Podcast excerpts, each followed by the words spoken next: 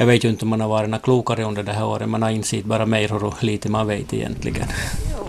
Enda jag visste då jag blev student att jag ville ha ett jobb så att jag kan få arbeta i Österbotten. Det hade jag som på klart att jag vill. Jag är österbottning och jag vill mycket gärna finnas i Österbotten. Vi gick alla i Nykarleby gymnasium och vi blev studenter 1978, alltså för 30 år sedan. Det var en ganska liten studentkull det året, bara 22 stycken, 15 flickor och 7 pojkar. 11 av flickorna och två av pojkarna var med på klassträffen som ordnades i början av juli. Eller var då flickor och pojkar? Vi närmar oss faktiskt 50. Och det märktes lite för när vi alla skulle berätta kort om oss själva så var det flera som framhöll hur friska de fortfarande är. Blodtryck är perfekt och allt var bra. Det var bara en sak som var problemet.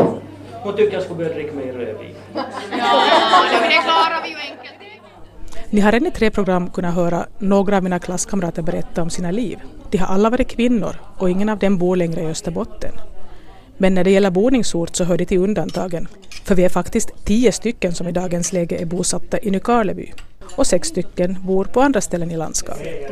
I dagens program, som för övrigt är det sista i den här serien, ska ni få träffa Tommy Sjöholm och Lars Solvin. Och det var faktiskt Lars som redan före jul skickade ut ett brev om den här klassträffen. Så det var kanske tack vare honom som den alls ordnades. Men nu ska jag låta de här personerna presentera sig själva. Eh, Lars Solvin, VD på Sören Eidens lokalförsäkring, Nykarlebybo och föds en ohejdad vana. Jag är inte nu Nykarleby stad utan du är visst från... Munsala, ja. Och du är? Tommy Sjöholm, VD för Abilita, bor i Hemgården, flyttar hem tillbaks. Alltså hemgården ligger i Ytterjeppo. gamla landskommun? Yes, gamla landskommun. Hmm. Det är inte så ofta jag samtidigt har två verkställande direktörer vid mitt köksbord. Men är det att vara VD i ett företag i Österbotten så är det titeln har ju inte någon skillnad utan man gör ju det som ska göras. Men det är väl lite kul i alla fall att vara VD?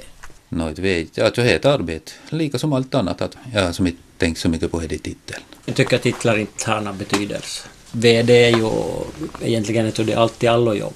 Är VD på ett mindre företag så inte har det några likheter med vad man ser på filmer och liknande. Inte, inte upplever man att man ska ha någon speciell makt eller något glamoröst eller att det skulle vara någon fin titel. Och jag tror inte det är någon som ser något speciellt upp till, till att du är VD för det eller det i de här trakterna. Det har inte som så stor betydelse. Men vad gjorde då Tommy Sjöholm och Lars Solvin efter studentexamen? Så här berättar Lars. Jag gick i Handelshögskolan i Åbo akademi, blev ekonom därifrån på 82. Ja, 82. Du studerade ganska effektivt alltså? Ja, no, fyra år skulle det ta och fyra år tog det. Jag tycker att det fanns någon orsak att dra ut på tiden där. Nej, men det finns ju studentliv, man kan ju lite, ja, göra allt möjligt annat. Jo, nu har jag levt mitt studentliv och gjort mycket annat men Ändå blev vi färdig i tid. ja, Oj. dygnet har jag 24 timmar. Och sen? Sen så började jag arbeta på Sparbanken Deposita som det hette på den tiden och eh, jobbade fram till 89-90 och sen var jag privat byggnadsbransch och placeringsbransch några år och sen 92 har jag varit här på nuvarande arbete Vad är det Jakobstad? i Jakobstad. Ja. Nå du då, får du också lika rätlinje att du studerar snabbt och effektivt och så kom du tillbaka och började jobba? Nej, jo, jo, min plikt först var i armén. För jag fick ju fundera lite. Inte att jag vad jag skulle börja göra. Inte. Men jag for till Åbo då efter armén och läste matematik. För det var jag tyckte jag var världens bästa ämne. Så jag började läsa. Konstaterade att kanske är lite svårt att få något vettigt arbete med matematik. Så jag sadlade om och, och läste på Hanken precis som Lassi. Men några år senare. Så jag läste på Hanken mellan, från 80 och vart färdigt då, årsskiftet 84-85.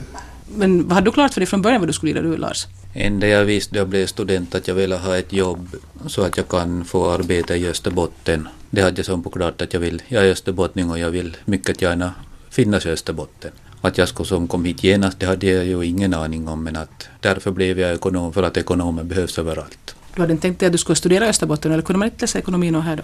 Det gick inte på den tiden. Skulle det finnas i, i Vasa eller skulle Vasa funnits då Men Vasa fanns ju. Vasa fanns ja, men handelshögsk- eller där, ekonomutbildningen fanns inte. För att vi började 78 på hösten och jag tror att det började 80 eller 81 i Vasa. Säkert så skulle jag nog ha lämnat dit då. Men till all lycka så får jag till Åbo. Till all lycka. Definitivt, för där är det väldigt bra att studera. Liten och mysigt och, men ändå en bit hemifrån. Tommy då, hade han från början också klart för sig vart han ville fara och studera. Nu var det ganska klart. Till Helsingfors ville jag inte fara och då finns inte så många alternativ. Åbo var ju ett trevligt ställe. Hade med Lassi. Riktigt trevligt. Vi bodde ganska nära. Vi bodde på varsin sida om sam, samma gata. Så att vi hade en hel del kontakt nu under studietiden. Och vad hände sen? Jag gifte mig när jag var färdig. Och så kom jag hit upp och arbetade. Min far var delägare i en, en pälsfarm så jag var och jobbade på kontoret i ett år. Så var jag ner och studerade igen ett år. Vad läste du då? Jag läste ADB. Jag började licensiera. Men jag konstaterade att det var nog armadis mycket jobb. Det så tog slut. Det tasmas nog. Men jag, jag gjorde aldrig den av, avhandlingen. Jag, skulle borde, jag lämnade på att jag skulle börja skriva någon gång. Det orkade jag inte börja med. Sen kom jag upp tillbaks då och, och fortsatte att jobba på, på firman. Tills eh, frun min var i, studerade i Åbo informationsbehandling och, och vi ville ha tillbaka sida upp men det var ju inte så lätt att hitta arbete inom hamnbranschen gärna kring. Så vi, vi grundade ett bolag då som började utveckla ADB-program. Och där har jag nog varit jobbat med den här IT-branschen sedan 90 till, tills dags dato. Jag tänkte på det här när vi, när vi gick i gymnasiet så jag visste inte vad jag skulle vilja bli. Och jag var lite sådär, jag var lite misstänksam mot det här som, just som typ Lars som verkar ha allting så på klart att... Men Lars skulle ju vara president han. Jaha, var det så? Det var nog någon som sa det, vi hade klassträff, ja, men det, så, det lyckas jag inte med, nej. Jag måste erkänna att jag under gymnasietiden ibland var lite irriterad på Lars. För han var någonting av en besserwisser. Plus att han var mycket ambitiös och verkar mycket mer målinriktad än vad jag kände mig. Men var han månne så säker på allting som han verkar på den tiden?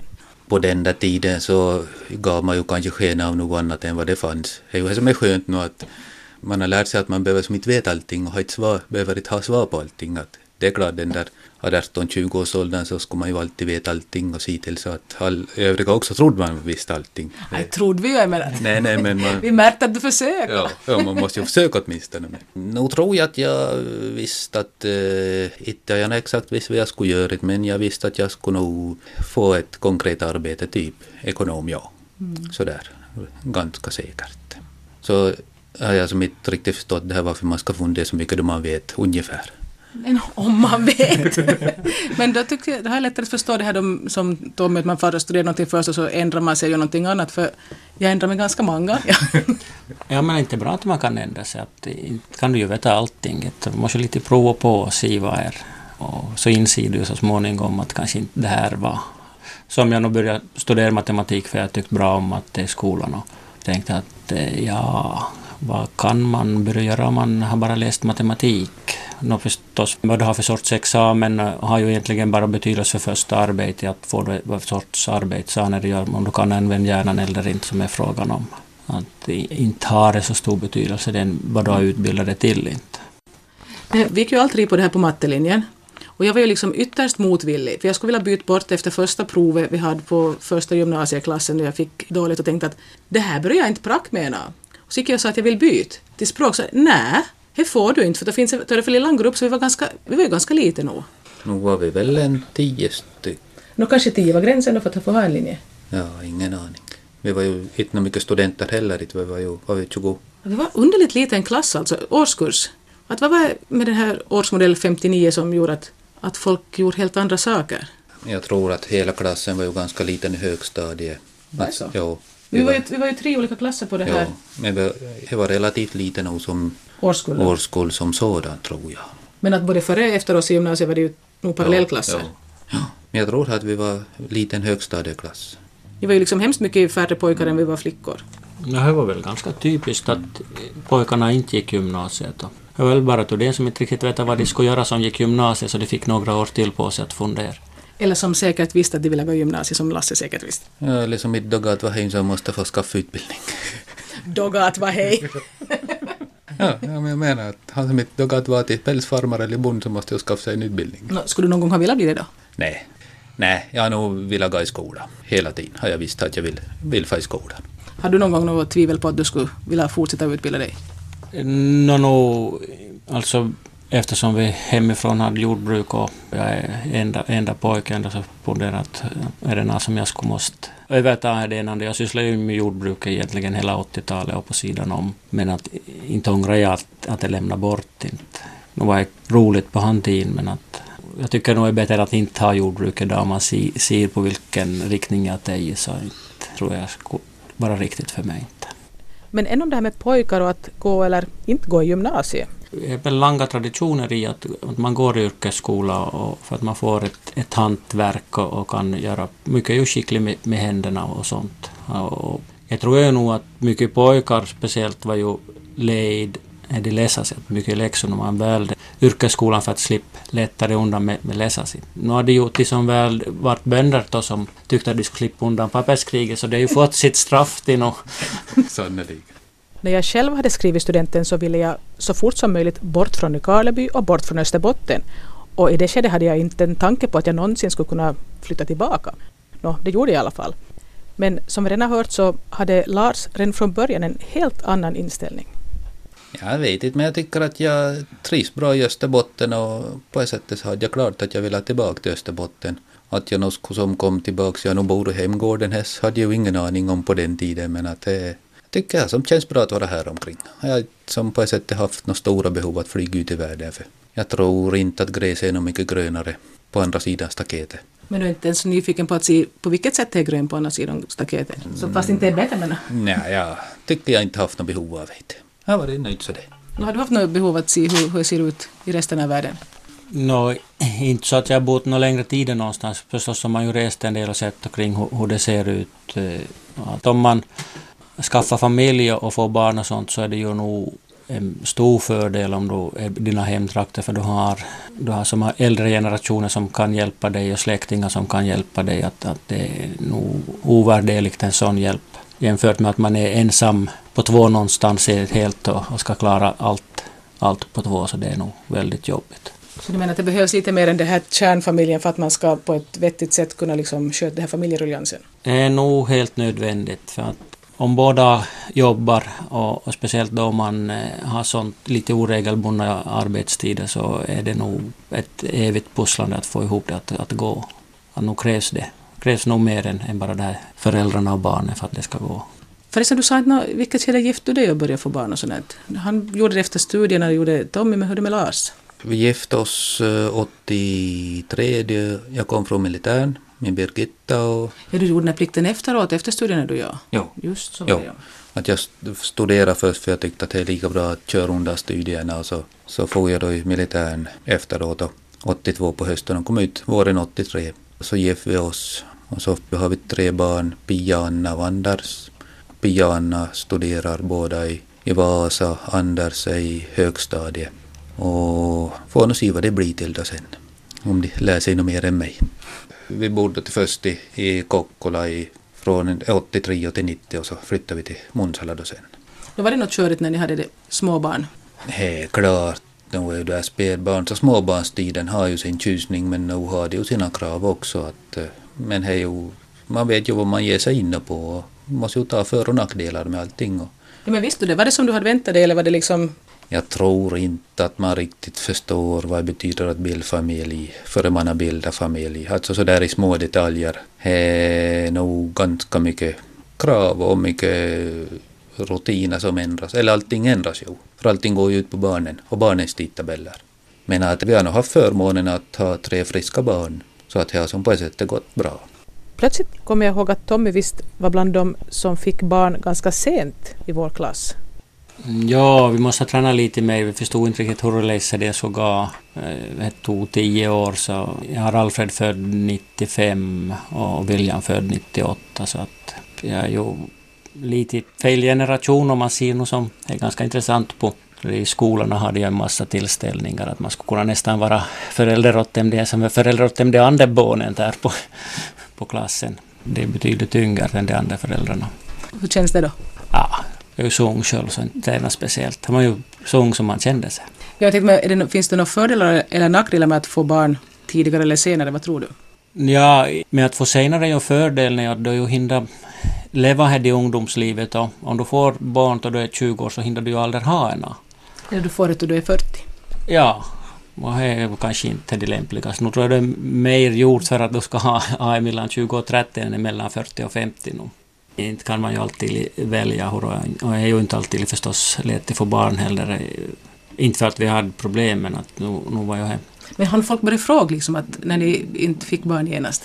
Ja, nu, nu frågade jag och, och mommo frågade att strax vi gifte oss att, att är, är, vi gravid? Och så sa vi nej, varför då? Ja men hundarna gör ju. Att det är ju helt... att, eh, att folk frågar att när ska vi få. Det blev så nog så pass lång tid så det slutade av att fråga. Men ni fick då, ni väntade inte så länge så ni hade liksom... Nej, alltså vi var ju 25 och 26 år visst. Så det var nog inte så mycket att fundera på om vi... Ska man bilda familj så bildar man familj. Och hittar man det rätta så har man hittat och så jag är som inte så mycket för att, för att fundera. Och när hittade du den rätta då? Eh, träffade Birgitta i studietiden i Åbo. Ni studerade samtidigt Ja, alltså? ja. Hon är härifrån också va? Hon är från Nedevetel, ja. Så träffas där och så därifrån har jag fortsatt. Men ännu om det här med småbarnstiden. Tommy. Barnen är ju bara unga en gång och sen har det gått. Så att eh, vi försöker nog jobba mycket mindre när vi fick barn. Att, att vi skulle ha mera, mera tid. Ändå så säger det att vi är inte hem någon gång fast vi nog tycker vi är ganska mycket hem i alla fall. In, inte vi är så mycket bort. Inte. Och barnen blir ju det här centrala. Det är ju det som allting kretsar kring. Blev det för dig som ni hade väntat att det skulle bli? Alltså, det här just att ha familj, att hade du väntat dig att det skulle vara på något visst sätt och stämde överens sen? Då svår, frågar svårt. Eh, Inte hade man väl funderat allt för mycket på vad det betyder att få barn. Skulle man fundera på det så skulle man väl inte få några barn. Jag har alltid funderat mycket. ja, men det är fel. Inte ska du fundera så mycket. Du ska bara göra. Jag har gjort annat. Ja, nu motsvarar det säkert, eh, tycker jag, ganska mycket vad man förväntar sig. Vi var ju, jag var ju ganska gammal, jag vet, och vi fick barn. Hur gammal? Du, jag måste Du född fundera. 59. Ja, no, inte var jag så mycket över 30, men lite över 30, 36. Ja, så att man var ganska mogen egentligen för att få barn nog. Man tyckte att man kommer ju i den åldern att man börjar fundera att ta san. Då jag var gammal, att, att vem ska ta hand om mig om inte jag har barn som tar hand om mig. Då är nästan annex till HVC så att bara får bädden till... Det skämtas lite om att jag som har valt att leva barnlös istället har köpt ett hus mitt emot hälsovårdscentralens bäddavdelning. Men nej, det är inte därför jag bor i just det här huset. Men för att återgå till Tommy. Nu är jag alltid klart att jag ville ha barn. Så att till han del var ju inte, men att vi ville inte ha med samma barn. Och tyvärr är ju för kvinnfolk kan ju inte vänta hur super länge som helst. Karlarna har ju andra förmåner att de kan vänta eh, längre. Och kvinnor kan inte heller göra som vissa män som har en kull barn när de är i 20-30 års åldern och sen startar de en ny familj med en ny kvinna när de är i 50 års åldern eller ännu äldre. Nej, det är nog det är besvärligare det där men menar att det kanske är bra att det inte finns allt för mycket möjligheter heller utan man ska veta vad man gör och så därmed jämt. Lasse har alltid varit här, så det, ja så det är det, så ska det vara. Ja, Inte ja. Och jag som inte hade några gånger in på klart så var fasen. Men har du tagit lite ramar då kunnat gå ett, fast inte jag nog vet riktigt vad jag nu vill. Men nu vet jag ungefär att, att nu vill jag läsa, nu vill jag ju lära mig. Kanske jag ångrar att jag man skulle, borde ha lärt sig mig språket vad man, man gjorde. Det är ju förstås svårt att hålla uppe det språk om inte du pratar det. Nej men det är ju det här livet, man kan ju som inte planera det, alla små detaljer utan det är ju som Tommy säger, man måste ju ha vissa ramar och så måste man som spela efter det och så ser man vad det blir till då. Ibland blir det som man blir nöjd och är man inte nöjd så måste man ju gö- göra någonting åt det. Du berättade här när vi hade klassträff här för några dagar sedan att jag hade inte liksom noterat kanske att du blev utan föräldrar ganska tidigt. Både mamma och pappa dog där i mitten på 80-talet och det var nog också därför som vi som renoverade hemgården då den blev tom. Så det kommer att inverka helt konkret på ditt liv egentligen. Ja, det är klart det att skulle, skulle det vara i liv så skulle vi ju bo där då så. Du måste ha varit i 20-årsåldern, du bara då va? Alltså under 30. Ja, alltså vi var ju gifta och bodde i Kokkola så 84 så 25. Och det är ju som det här livet, det, det ger olika utmaningar och olika problem och olika möjligheter. Och man får ju som i, i livet inte bara det här, vad ska man säga, sockret och gräddskummet utan det är ju det här beska sidorna också. Men lever man ett liv så får man ta allting. Och det är klart att eh, begrava egna föräldrar så nog får man ju som fundera på saker som man kanske inte funderar på annars då. Att nog tror jag att jag kanske mognade, eller vi syskon mognade lite snabbare kanske än tidigare. Vänta nu, var det så att din, du berättade på klassträffen att din, ni gifta med ett syskonpar, du och din äldre bror, var det så? Så är det ja. Så vi är väldigt mycket kusiner på gårdsplan. Så ni, så ni var ute tillsammans liksom och kollade in flickor och så hittade ni ett par som var systrar? Eller gick inte till så? Nej, det var nog helt oberoende av varandra. Medan min stora bror är, är alltså vi har bor på samma gårdsplan där i Munsala. Tommy då, var hittade han sin kvinna? Om jag minns rätt så när vi gick i gymnasiet så då hade inte du åtminstone den kvinna som du nu är gift med. Nej, det var efter första året i Åbo som jag hittade henne. Hon är nog hon är från Kåvjoki så att det inte var riktigt långt inte. Så det var ju helt naturligt att vi kom tillbaka hit då, för vi, eftersom vi har båda våra föräldrar i livet och bor här så är ju familjen finns ju så att säga, rötterna finns här. Själv fick jag ganska mycket frågor när jag för 11 år sedan flyttade tillbaka till Nykarleby med en karl som var från södra Finland. Hur kunde han gå med på att flytta till Österbotten? Fick jag frågor. Att folk tycks tro ibland att bara österbottningar vill bo i Österbotten. Nå, det är nog lite problematiskt. Om du ser nu på de här studierna så är det väldigt svårt att få någon söderifrån att komma hit upp. Men vi får ju tid ner och lämnar tid så vi, så vi avfolkar ju, eller vi får bort hjärnorna från Österbotten. De lämnar i södra Finland och utvecklar det istället för att utveckla det Österbotten som de skulle borde göra. Att det är ju nog ett problem egentligen. Tycker du att man har liksom en plikt att komma tillbaka till hemorten nu? Nej, det tycker jag inte han har, men att jag tycker det är synd att, att allihopa som man satsar på studier far ner och, och studerar i södra Finland så lämnar man dit och kommer inte tillbaks. Så det är, ju synd. För att eh, nu skulle vi behöva allt folk som finns här, skulle vi behöva tillbaks. Och helst skulle de få dra någon med sig. Och, Ja, nu försöker jag göra mitt. Ja, då har ju skött det. Här vi, du har ju varit bättre än... Vi var ju lite inavel i avseende, Lasse Du och tog jag. inom samma kommun och du tog från norra Österbotten. Från till jo. Nej. Nej, men är ju så att om inte vi utvecklar Österbotten så inte kommer ju någon annan att utveckla oss. Det är ungefär lika som man skulle tro att någon från Kina kommer att utveckla Finland. Att nu är ju vi som ska sköta om oss och se till så det här näringslivet här blomstrar och folk har arbete. Inte kommer de söderifrån.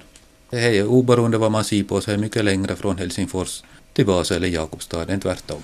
Men om vi skulle ta och lämna den här långa vägen upp till Österbotten för folk från södra Finland för den här gången. Istället ber jag Tommy Sjöholm och Lars Solvin fundera lite på det här med hur de såg på livet då för 30 år sedan och hur de ser på det nu och berätta lite vad som har ändrats, om någonting har ändrats. Lars börjar.